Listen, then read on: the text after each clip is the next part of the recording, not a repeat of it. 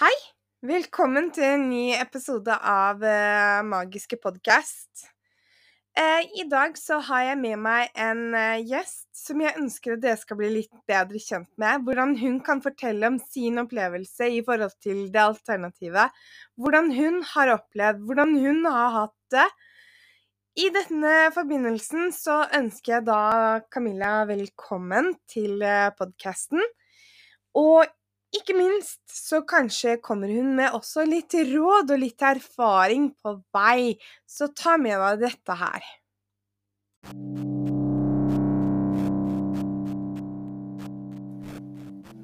Hei og velkommen til Monicas magiske podkast. Jeg heter Monica. Jeg er klarsynt medium. I denne podkasten vil jeg fortelle min historie. Jeg skal snakke om det alternative, det spirituelle, det åndelige og de uforklarlige tingene. Jeg skal ha med meg gjester som skal være åpne og snakke om sin opplevelse med møtet med det alternative.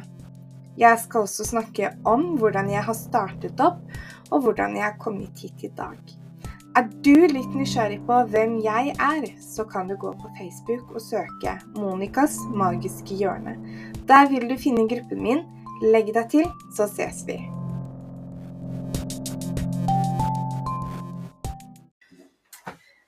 Velkommen, Camilla. Jo, takk for det. Det er jo litt spennende i dag, da. Ja. Med podkast og greier.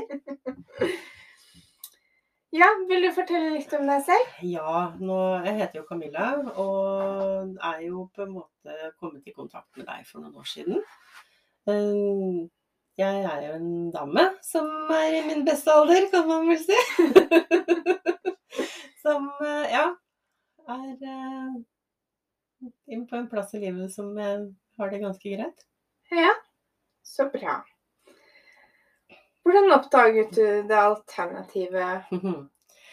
Jeg holdt på å si det alternativet har vel egentlig kanskje vært en del av livet mitt hele livet, men det å oppdage at det var det alternativet, det gjorde jeg nok ikke før jeg egentlig ble voksen. Men jeg har vel vært av de som sikkert veldig mange andre har hatt disse hemmelige vennene når de var barn.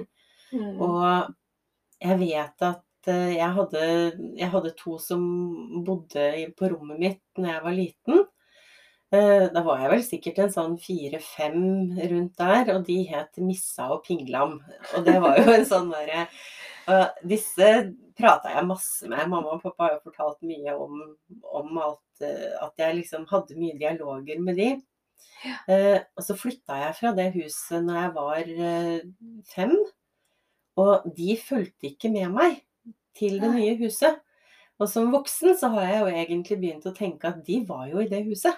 Ja. Det var jo de som bodde der. Det var jo ikke på en måte mine fantasivenner for at jeg ikke hadde et annet liv. Mm. Så Og det har jeg vel kanskje skjønt etterpå, for det Men bare Egentlig bare tenkt på uten å vurdere det så mye, da. ja. Og så var det jo det å bli ungdom og alt det som skjer da. Da er man jo i seg sjæl, egentlig, og er opptatt av helt andre ting enn akkurat det spirituelle. Fordi jeg var jo ikke en som har sett eller hørt eller så spøkelser overalt. Men eh, det starta vel å åpne seg litt igjen når jeg var i ja, kanskje rundt 20. Da bodde jeg i et ordentlig spøkelseshus, rett og slett. Og det var vel da jeg fikk de første, kall det bevisene på at det her er det virkelig noe, altså. Som Mm. ikke er eh, i mitt hue. For der var vi jo flere som hørte bankelyder og trinn i trappa, og dyr reagerte på stedet, og det var ordentlig skummelt i kjelleren, og det var helt forferdelig til tider, og, men også på en måte litt, litt spennende, da. det var et gammelt hus på en bondegård Ja. som hadde en kjempehistorie fra krigens dager med noen brødre som var i ordentlig krig. For da Mm. var det en, en nazist og en motstandsmann da, som var der. Og der var det Så det var jo en kjempespennende historie. Og der var det mye Han nazisten var visst ganske heftig. Oh, spennende. Så ja. Men eh, liksom tilbake da du var liten og hadde disse vennene dine, da. Mhm. Hvordan taklet moren og faren din det? Du, de prata med meg om det som om det var helt vanlig, Ja. rett og slett. Så, og det tror jeg vel er at eh, Jeg vet ikke, jeg har hatt en jeg håper å si Familien min er vel Jeg vet ikke hvor alternativet det egentlig har vært, for det har jeg ikke hatt noen opplevelse av. Mm. Men bestefar har alltid vært en før så Jeg syns han, alltid- han var en liten skrue, liksom. Den derre Han var en person som folk ringte til, hvor han leste på dem. Ja. Han kommer fra en samisk familie og hadde hadde nok evner, og var veldig sånn som hver gang jeg hadde såra meg eller liksom skada meg, eller så var han sånn som leste på meg for å liksom heale meg, da. Spennende. Og jeg trodde egentlig ikke så mye på det, jeg bare lot han gjøre det. Fordi at det Ja. var akkurat som det var helt greit. For det, og det var helt sånn naturlig for familien min at ja, men det gjorde jo bestefar.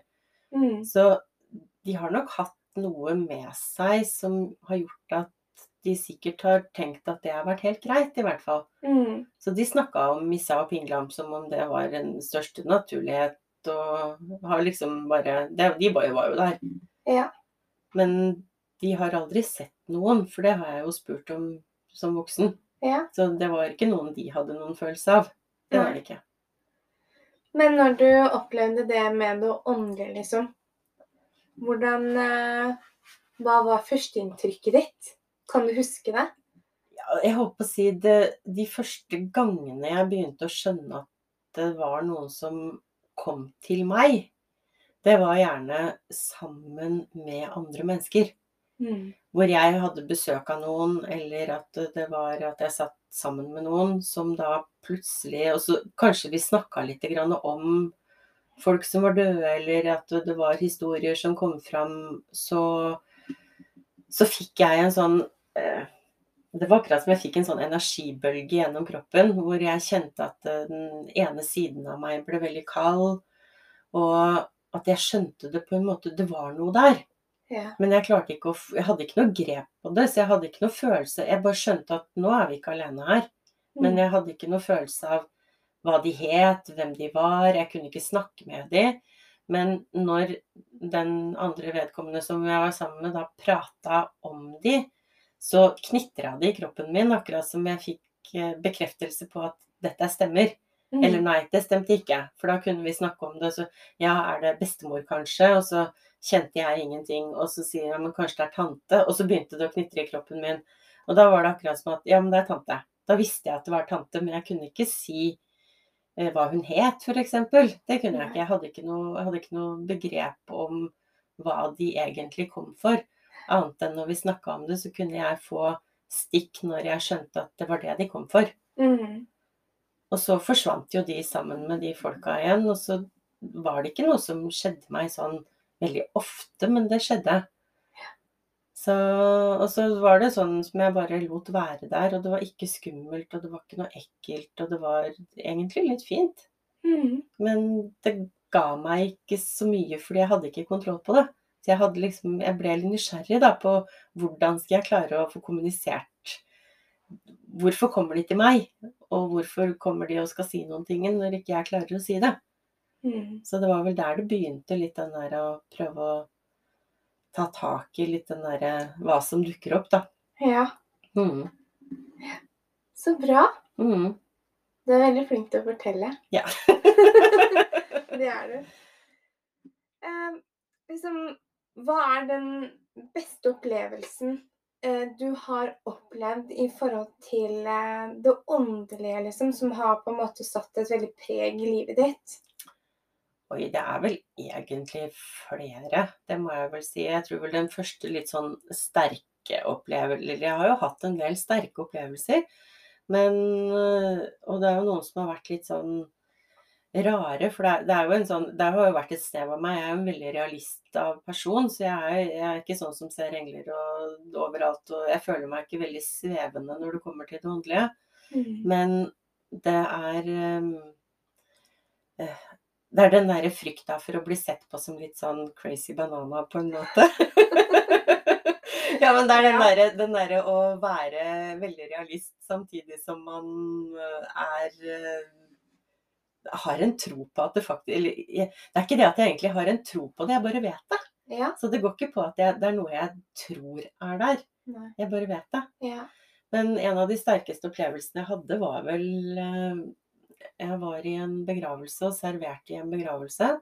Mm. Og hun som Det var en eh, mor som var død, og hun døde tidlig av sykdom, da. Og etterlot seg en mann og to barn. Mm. Og jeg slet veldig med å være i den begravelsen. Og det har jeg aldri gjort før. Jeg har servert i flere begravelser, men det var eh, Det trykka i meg hele tiden. Og hun var så sterk til stede. Og jeg hadde ikke egentlig noe kontroll over det på det tidspunktet. Og jeg hadde så behov for å snakke med familien hennes. Og så turte jeg ikke å gjøre det, fordi at det blir litt sånn invaderende på en måte i dems sorg og en sånn dag, da. Mm. Og så sto jeg på kjøkkenet og hadde rydda etter meg og drev og vaska opp. Og, og så kommer moren hennes, da, eller til den avdøde, inn på kjøkkenet til meg med noe beskjed. Og så begynner jeg bare å hulke. Litt sånn der at jeg begynner å gråte, tårene spruter, og jeg kjenner at det er jo ikke min det er jo ikke min sorg, for dette er jo ikke min Det er ingen jeg vet noen ting om. Mm. Uh, og så kommer moren, og så har jeg egentlig ganske sterk beskjed til henne, som det bare går i hodet mitt gang på gang på gang. Du må passe på noe sånt navnet på mannen hennes, da. Du må passe på han, du må passe på han, du må passe på han. Det gikk på et sånt mantra. Han er skjør, han trenger hjelp. Du må passe på han, du må passe på han. Og det klarte jeg ikke å si, fordi jeg tenkte at herregud, hun må jo tro at jeg er gal. Hvis at jeg begynner å si det. så det jeg klarte å si, det er at eh, jeg blir så berørt av dere. Og så tok jeg det på Fordi jeg ble jo veldig berørt av det òg. Det var jo det, det var jo en veldig tragisk, trist hendelse. Mm. Men så kom hun, og så sto vi og holdt rundt hverandre ganske lenge. Så lenge at det var litt lenger enn det en vanlig klem er, eller en, en god, lang klem. Det var sånn lenge. Mm.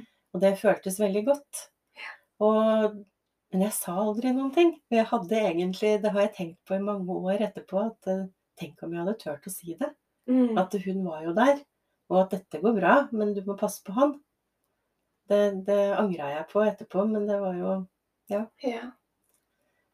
Så det, var, det har vært en sånn sterk opplevelse. Og det er klart, jeg har jo hatt andre opplevelser som har vært veldig tydelige og klare og møtt Kall det spøkelser, eller de fra den andre siden, da, som har vært sånne som blinker i lysene og lager lyder og lukter og som omtrent har kommet inn i kroppen min omtrent, og kommer med masse ord og, som jeg ikke har forutsetning for å si. da. Ja. Så første gangen jeg opplevde det, var det jo helt merkelig, fordi jeg kunne si ting jeg ikke Det var ikke mine ord. Nei. Så, og det hadde betydning for den jeg snakka med. Mens Mm. jeg visste jo ikke hva jeg snakka om. Nei, ikke sant? Så, og så var det borte for meg egentlig en god stund igjen, da. Helt Ja. til jeg begynte å lære meg til å eh, på en måte logge meg litt på, sånn at jeg hadde kontrollen, så ikke det var de som kontrollerte meg, men at det var jeg som kontrollerte situasjonen, da. Mm. Mm. Delte du det her med venner, altså flere slektninger? Jeg har vel ikke snakka så veldig mye Noen har jeg, de helt nærmeste har jeg jo delt om at herregud, jeg har jo hatt en psycho-opplevelse, liksom. Ja. litt sånt noe. Det er jo noen, noen av vennene mine er jo utrolig nøkterne. Så bare ja, ja, dette Jeg, jeg, jeg hører du sier det. men eh, ja. Men allikevel så Ja. Jeg, har- jeg har jo på en måte jeg, har- Det har jo vært ekte for meg. Samtidig så er det jo en Mm. del av meg som har tenkt at herregud. Ja, ja. Dette er kanskje litt på kanten. Ja. Og så er det jo noe med at det, det har skjedd Det har jo ikke skjedd én gang, og det har jo ikke skjedd to ganger, og det har jo ikke skjedd ti ganger. Det har jo skjedd mange, mange ganger. Mm. Så Og etter hvert så har det jo blitt en del av meg, men det er ingen del jeg tar fram hver dag. Det er det ikke. Nei. Så, men jeg, jo, jeg har delt med det, og, og nå er det jo Mange er jo veldig nysgjerrige, egentlig. Og det blir jo alltid sånn der Ser du noen rundt meg? Kjenner du noen rundt meg? og da er det alltid nei. Fordi at da, da er jeg ikke på.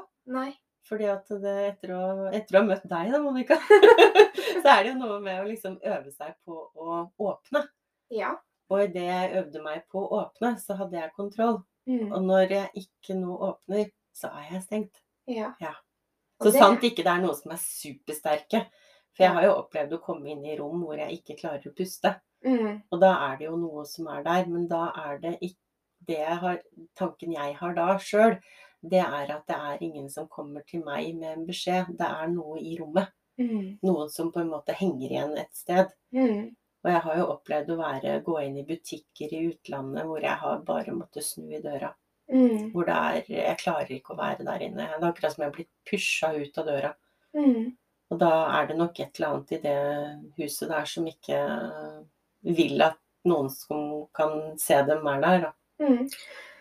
Og så er det sikkert flere som lurer på liksom, OK, du blir pusha ut av døra, du opplever en, en sånn vond smerte inni deg. Mm. Eh, kan du beskrive litt mer liksom sånn hvordan det skjer? Hvordan kroppen din reagerer? Eh, Det begynner veldig ofte med at jeg sliter med å puste. At jeg liksom får den derre oh, akkurat som jeg får noe som trykker rundt brystkassa mi, som akkurat som jeg blir inni et trykkammer hvor jeg ikke klarer å få trukket pusten sånn skikkelig. Mm.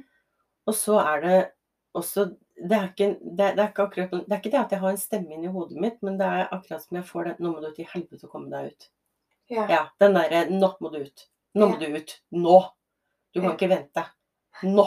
Ikke sant? Den der at du Og så blir det, snører det seg mer og mer. Det er nesten sånn at eh, Jeg veit ikke om det kan sammenlignes med litt sånn panikkfølelse, angstanfall. Litt den der at det, For det sitter da ofte, kommer det opp i halsen. Ja.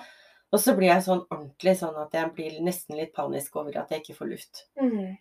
Og så har jeg da e- et sted jeg var, husker jeg, hvor jeg fikk det inn i et hjørne, så jeg bevega meg på andre enden av lokalet, så var det akkurat som jeg gikk lenger unna det, så letna det, da. Så mm, da var det på en måte enklere. Men jeg har jo da opplevd å måtte gå ut. Og jeg hadde med noen venner i en butikk, og når de de var inne der, og jeg kunne ikke fatte og begripe at det var noen som klarte meg. Tenkte bare stakkars ekspeditrisa som jobba der. og så gikk jeg inn igjen, da, for jeg skulle jo liksom tenkte jo at herregud, hva er det jeg kjente på nå? Dette er jo sikkert ikke sant. Ikke sant? Dette må jo være Jeg er sikkert sliten og ja, og vært ja. ja. Jeg skjønner. Og så går jeg inn igjen, og så er det akkurat som Kom deg ut igjen! og da blir det sånn OK, jeg går ut og venter. Jeg står og venter her på dere, jeg. Ja. Nei. Mm. Nei, men det er jo en gave du har, da. Ja, det er jo for så vidt en gave man har.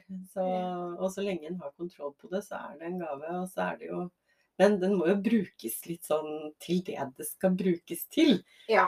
Og fordi at eh, hvis jeg skulle tatt det fram hele tiden, så hadde jeg vel blitt den crazy banana, gale kjerringa på en måte som Fordi det, det tar ikke overhånd hos meg. Det gjør det ikke. Mhm. Jeg er vel en ganske nøktern, spirituell person, ja. rett og slett. Og når du tar imot beskjed fra den andre siden, det blir jo på en måte som en telepatisk beskjed. En tankebeskjed. Ja, for jeg har tanker. Ja. Mm. Eh, fordi du hørte jo ikke stemmer eller Nei. Nei. Det kommer inn i hodet mitt. Eh, mange pleier også å få litt sånn skrift, på en måte. Ja, det får jeg ikke. Ikke. Det, alt går sånn telepatisk. Mm. Ja. Mm. ja. Da tar vi bare en liten pause, da. Ja. ja.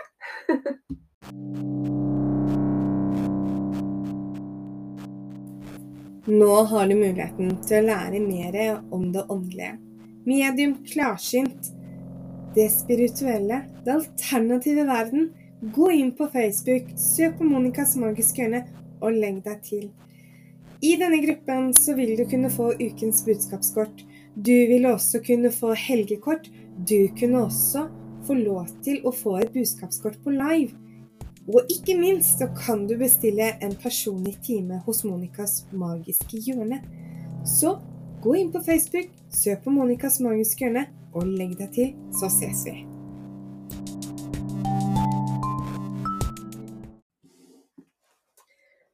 Ja, du kan også lese andre, kan du ikke det? Ja, jeg har jo lært meg det, da. Ja.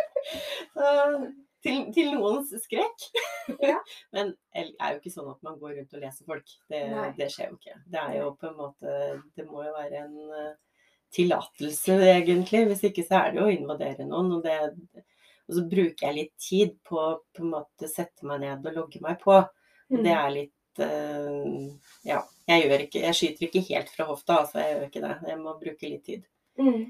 Så da er det jo gjerne noen som ønsker at jeg skal komme med en beskjed, eller at de ønsker svar på noen ting, da. Mm.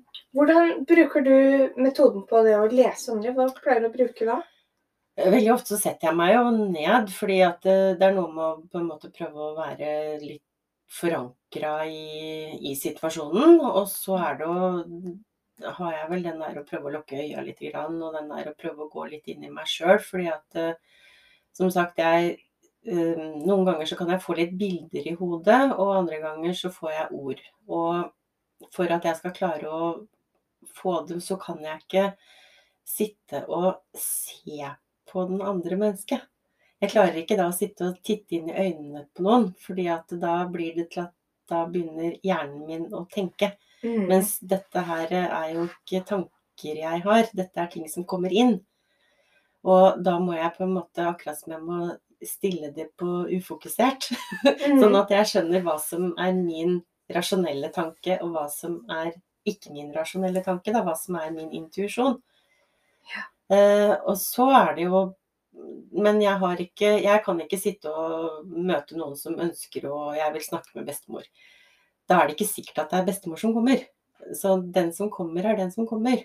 Mm. Det Og sant. da er det mm, Kan jeg få Jo mer jeg har øvd, så på en måte jeg får navn, kan jeg få. Jeg kan få litt beskrivelser av hvem de er, om det er noen farger som kanskje er fremtredende. En jeg hadde nå for ikke så lenge siden, det var at jeg visste at det var en dame. Jeg visste, Og så kommer ordet gult. Eh, og da kan jeg bare si det, har, det, er, det er noe med gult her. Jeg vet ikke om det er noen som liker gult, eller om, som har noe tilknytning til noe gult. Og da var det Nei, hun bodde i et gult hus, faktisk. Så da det, og, da, og så begynte hun å skjønne, og så sier jeg så har jeg et navn her. Og så er det ikke sikkert at navnet kommer helt tydelig for meg, men det kan jo komme Heter noen Sigmund, så kan det kanskje komme Sigg, og så er det litt sånn diffust om det er munn, eller Sigbjørn, eller Ja. Og så andre ganger så sitter navnet som pang. Da, da er det bare det navnet jeg Og da, det, da må jeg bare prøve å si det, og så må jeg gå bort fra det. For det er ikke sikkert at navnet stemmer, men det kan være kanskje barnet til den personen som heter det, eller noen de kjenner som de ønsker å fortelle om, da. Mm. Så er det jo da har jeg jo da opplevd å kunne ha en samtale da, ikke sant, med at den personen jeg leser, spør spørsmål, og så får jeg et svar i hodet som ikke er mitt svar, fordi jeg vet jo ikke. Mm. Mm. Så hvis den spør ja, hvor mange barn hadde fire, kan jeg bare komme sånn Det, det skjer på automatikken, og da kan jeg svare uten at jeg tenker, for da bare er det akkurat som det er en åpen kanal, da. Mm. Og så mm, fader det bort etter en stund, fordi det er vanskelig å holde fokuset over Jeg kan ikke sitte i den fasen der i timevis. Det går ikke. Så det kan, det kan vare i noen minutter, det kan vare et kvarter. Det er, det er vanskelig å si. Det spørs veldig på den Kall det fra den andre siden man møter, hvor sterke de er. Fordi det er noen som er veldig svake, som Mm. bare så vidt toucher litt borti, og så er det andre som er veldig tydelige. Ja. Mm. Bruker du pendler, altså kort? Ja, jeg har jo lært meg tarot, da. Det er jo kjempespennende. Og litt sånn, også litt sånn crazy banana-følelse, hvor du sitter og kan lese 78 kort, og du har masse bilder. Men eh, i starten så var jo taroten ble veldig teknisk for meg, for du, man skulle liksom pugge kortene. Og når jeg skjønte at det funker dårlig, altså, å pugge kort. Ja. Fordi at det, det er ikke sånn det funker. Og, det, og etter at jeg liksom begynte å lande Jeg la det litt bort egentlig igjen, for jeg tenkte at jo, jeg, jeg syns kortene var kjempekule, og det var fine, og det er jo 18 stokker, så det er jo veldig masse flotte billedverk, rett og slett, da, på de kortene. Men når jeg tok det opp igjen, så tenkte jeg at nei, jeg må lære meg til å lese tarot på min måte. Og det er veldig fint å kunne på en måte grunnbetydningen av kortene, men etter å ha begynt å jobbe med det, så er det mm, er jeg nok ikke så teknisk leser, jeg er nok en veldig intuitiv leser. Ja. Fordi et kort kan bety én ting når jeg leser én person, og det samme kortet kan bety noe helt annet når jeg leser en annen. Mm. For da er det akkurat som kortet snakker på forskjellig måte. ja. Det høres sikkert skikkelig rart ut for de som ikke tror på sånt, men Ja. det er liksom Det er bare sånn verktøyet mitt på en måte er, da. Sånn er det for meg òg. Mm. Og så klarer jeg ikke å lese meg sjøl. Nei. For det er bare Det, det er helt den derre der å ta inn seg sjøl. Ja. Det funker ikke i det hele tatt. For da er Når jeg må lese noe, så må jeg være ganske objektiv og nøytral. Ja. For at jeg, jeg kan ikke ha Og så er det veldig greit å lese folk jeg ikke kjenner så godt. Fordi da har jeg ikke noen tanker rundt hva det kan bety. Mm. For da betyr det det det betyr, og da vet jeg det er rett. Ja. Mens når jeg leser folk jeg kjenner, så kan jeg legge til Og det er sikkert det. Det, det, det dreier seg sikkert Og det er sikkert om den jobben, vet du. Ikke sant? Å Ja. ja, nei, det er de pengene der, ja. Ikke sant? Ja. Eller å ja, nei, det er den mannen, eller den dama, eller den Mm. mora, eller den søstera, eller Og så begynner rasjonalen min å, å spille inn, og da detter jeg ut av intuisjonen min på en måte, da. ja. Så det der å være fullstendig ankra og ordentlig jorda, det, det er på en måte det som må til. Og jeg merker veldig forskjell på om jeg har en lesning som jeg bare vet flyter, og historiene bare ligger, akkurat som kortene bare reiser seg og det blir historier, eller til at jeg kan legge kort hvor de Nei, der ligger det bare kort. Ja. Har ikke betydning i det hele tatt. Jeg kan lese hva Å ja, det står 'keiserinnen' på kortet. Ha-ha-ha. Ikke sant? Litt sånn. Ja. Ja, det var et fint kort. ja. Det gir litt mer sånn humpete eventyr og et flyt i forhold til eventyr, da. Ja, det gjør det. Mm.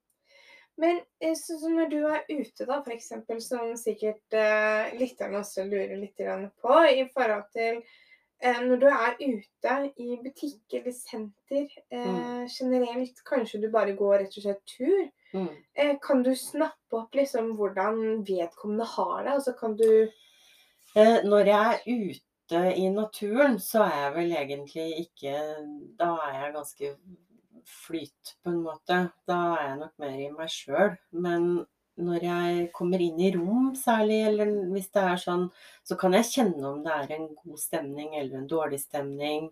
mm. Eh, og den derre Det er vel den derre følelsen av at her er det noe Mm. som ikke stemmer. Det er vel heller den jeg ofte føler på. At uh, oi, her er det her er et eller annet, eller den derre Nå er det noen som Her er det noen som har det litt tungt. Mm. Det, den kjenner jeg på. Eller at jeg har jo også opplevd at uh, jeg skulle lese en dame hvor jeg bare begynte å le. Fordi hun kommer inn med en energi som ligger utenpå henne, og hun kom rolig, pent inn i rommet. Men jeg var bare, plutselig så bobla det inni meg, og hun var så glad. Mm. Og det var jo ikke min energi, og det var jo ikke hennes det hun viste meg av, sin, uh, av sitt kroppsspråk, egentlig, men det var energien hennes jeg tok opp, da. Ja. Så ja, jeg kan jo sense, sense folk, rett og slett. Ja. Og noen ganger er det litt slitsomt, fordi at uh, det, det er noe med å ikke ta inn alle hele tiden. Mm. Det er jo noe med å verne om min egen energi, da. Og når du jobber med guidene dine, Ja. Vil du fortelle litt om den veien? Ja, den møtte jeg jo egentlig når jeg møtte deg. Ja. For det var jo litt den derre, ja. For det var jo den derre å lære seg til å ha grep på det. Mm. Så var det jo det der å lære seg til at jeg må bruke et verktøy. Og guiden min har jo blitt mitt verktøy til å kunne kjenne at nå er jeg klar til å jobbe. Mm. Uh, og den kan jeg koble på. Det er en mann, forresten, så Det er en pen kjekkas. Uh. Nei, jeg har, en gammel mann som guide, rett og slett. Han er en vis, klok mann. ja. Og han passer nok meg veldig godt Eller I hvert fall så merker jeg at han Jeg merker at jeg har støtte i han. Det er nesten litt sånn vanskelig å forklare, men det er akkurat som jeg, han, at jeg får en skygge på, på den ene siden av hodet, da. Ja. Som jeg kjenner at nå, nå er han nær meg. Og jeg ber veldig ofte om at han skal være veldig nær meg, for da kjenner jeg at jeg jobber. Og, og så Mens engler hadde, har jeg ikke noe grep på. Det, det er for- altfor svevende for meg. Syns du det var vanskelig eh, i den starten av den fasen å komme i kontakt med guiden din? Du, idet jeg begynte, så kom hun med en gang. Ja. Så det var egentlig mye lettere enn jeg trodde. Ja. Så, mens jeg brukte jo, brukte jo flere måneder på å kunne eh, Det var veldig lett når man sitter i meditasjon sammen med andre og får liksom hjelp til å koble seg på, for da er man så skjerpa. Mens det der å koble på den når jeg satt hjemme i megastue og hadde middagsplaner i den ene delen av hodet, og hvordan det gikk på skolen med unga i den andre, og bikkja som skulle ut på det i det tredje hjørnet i huet, ikke sant. Så blei det sånn Den der og da klare å, å puste ordentlig og være rolig, da. For jeg har alltid hatt litt problemer med å meditere, fordi tankene flyr i hundre hit og dit. For man har så Mm. mye man eh, tenker på som tar så mye plass, da. Og, Ja. og det bør ikke være så alvorlige ting, men det var så, det er så mye kaos. Mm. Så etter å få hjelp til å i hvert fall finne fram det, så var det lett, mer lett å kunne jobbe. Og når du kom i kontakt med guiden din, og dere klarte Så tenker jeg også liksom det at eh, Hvordan jobber du med han? Uten å røpe for mye, hvis ikke det er noe du vil holde skjult. Men liksom hemmelig. eh, Hvordan er samarbeidet? Hvordan, hvordan går du frem når du skal på en måte begynne å snakke med guiden og jobbe med ham? Nei, akkurat nå har jeg vel kommet dit at jeg kan sette meg ned og bare be om at noen kan komme. I, Ja. i Vær tydelig for meg, kan jeg si. Ja. Men jeg syns det er veldig vanskelig å gjøre når jeg har eh, folk rundt meg. Mm. Det er veldig mye lettere. En ting er når jeg skal gjøre en lesning, for da må jeg inn i en annens energi. Men ja. når jeg skal jobbe med guiden min alene, så eh, bør jeg være alene. Ja. For da, da sant, kommer sønnen min tuslende inn i rommet, så er eh, huet mitt borte med en gang. Mm. Og det går litt på at da kjenner jeg det ikke like godt. Og det, vel, jeg, og det kommer vel av at jeg, jeg er nok såpass realist i dette at jeg trenger fortsatt litt sånn bevis, på en måte. ja. Fordi at eh, jeg tror virkelig på det. Eller jeg vet det er sant, men jeg trenger fortsatt at jeg må kjenne at han er der, for at jeg skal egentlig skjønne at han er der. Ja. Hvordan samarbeider du med guiden, da? Nei, det er jo gjerne i lesninger mest, fordi Og så er det jo noen ganger når man snakker med folk, hvis de har veldig behov for å få litt veiledning i hva de skal gjøre i situasjoner. Mm. Eh, Når man kanskje har gjort en lesning eller i etterkant, eller at man sitter og prater, så er det jo da å eh, hjelpe meg å få ord i hodet. Mm. Og ellers så er det jo den der hjelp meg til å finne ro, egentlig. Sånn at jeg kan legge meg og sove på kvelden og ikke ta med meg dagens eh, stress, egentlig, da. Mm. Fordi det er jo klart, det er jo mye som skjer i løpet av en dag du kan ligge og kverne på på kvelden. Ja. Så, men det er ikke alltid jeg klarer det, å, å bruke han. Og så er det noen perioder jeg er flinkere, og andre perioder hvor man glemmer det lite grann. Fordi at eh, ja, det er ikke som sagt noe jeg bruker hver dag. Mm. Og så lurer jeg litt sånn eh, Hva har denne veien her gjort med deg? På en måte så har jeg landa litt grann mer i meg sjøl. Litt Ja. den der å skjønne at ok, det, det er veldig mye ute der som eh, kan brukes. Og så har jeg vel også i møte med å ha søkt og lest og vært på nettet og funnet, så har jeg funnet ut at det er skrekkelig mye rart der ute også. Rett og slett. Og det er noe med å, å, å stikke fingeren litt i jorda og ikke kan Jeg kan ikke gå inn i alt fordi det blir for svada for meg. Det blir for strevende. Sånn at det, der hvor jeg er nå, er der hvor jeg har landa, og jeg tror det holder. Mm. Jeg tror det er greit. Ja. Det liksom, Jeg trenger ikke så veldig mye mer. Nei. Annet enn at selvfølgelig å kunne vite hva som skjer i framtida, hadde jo vært skikkelig digg. Men som sagt, når man ikke kan lese seg sjøl, så er det ikke så farlig. Har du satt deg noe selv noen nye mål i forhold til det Nei, men alternativet? det er vel kanskje å, å kunne på en måte integrere det mer i meg uten å At det bare er der. Uten Mm. at jeg må Så er det jo det innimellom å eh, klare å være såpass nøktern til det at det er helt greit. Fordi at det er jo verdt den der å, å gå ut og si at hei, jeg heter Camilla, jeg er spirituell. Det er fortsatt litt kleint. Og det fordi at man, man er spirituell, men jeg må jo fortsatt så har jeg det der synet på at de spirituelle, det er de der damene med sånn flagrende lilla skjørt og stort hår og de der Det er liksom Du, du, du har liksom store ringer og det, det, er masse De er så voldsomme, da. Ja. Og, og litt eksentriske. ja. Jeg er egentlig ikke eksentrisk i det hele tatt. Jeg er ganske vanlig. ja, det er du. Så det er liksom den der å, å på en måte si at min måte å være spirituell på er min måte å være spirituell på, så har andre helt andre måter å være på, og det får de ha, og så får jeg ha min måte. Ja. Ja. Tusen takk for at du tok deg tid til å komme, Camilla. Jo, nei, det var bare Ja. Det var spennende, takk. Ja. Så Nei, men tusen takk. Jo, takk for det.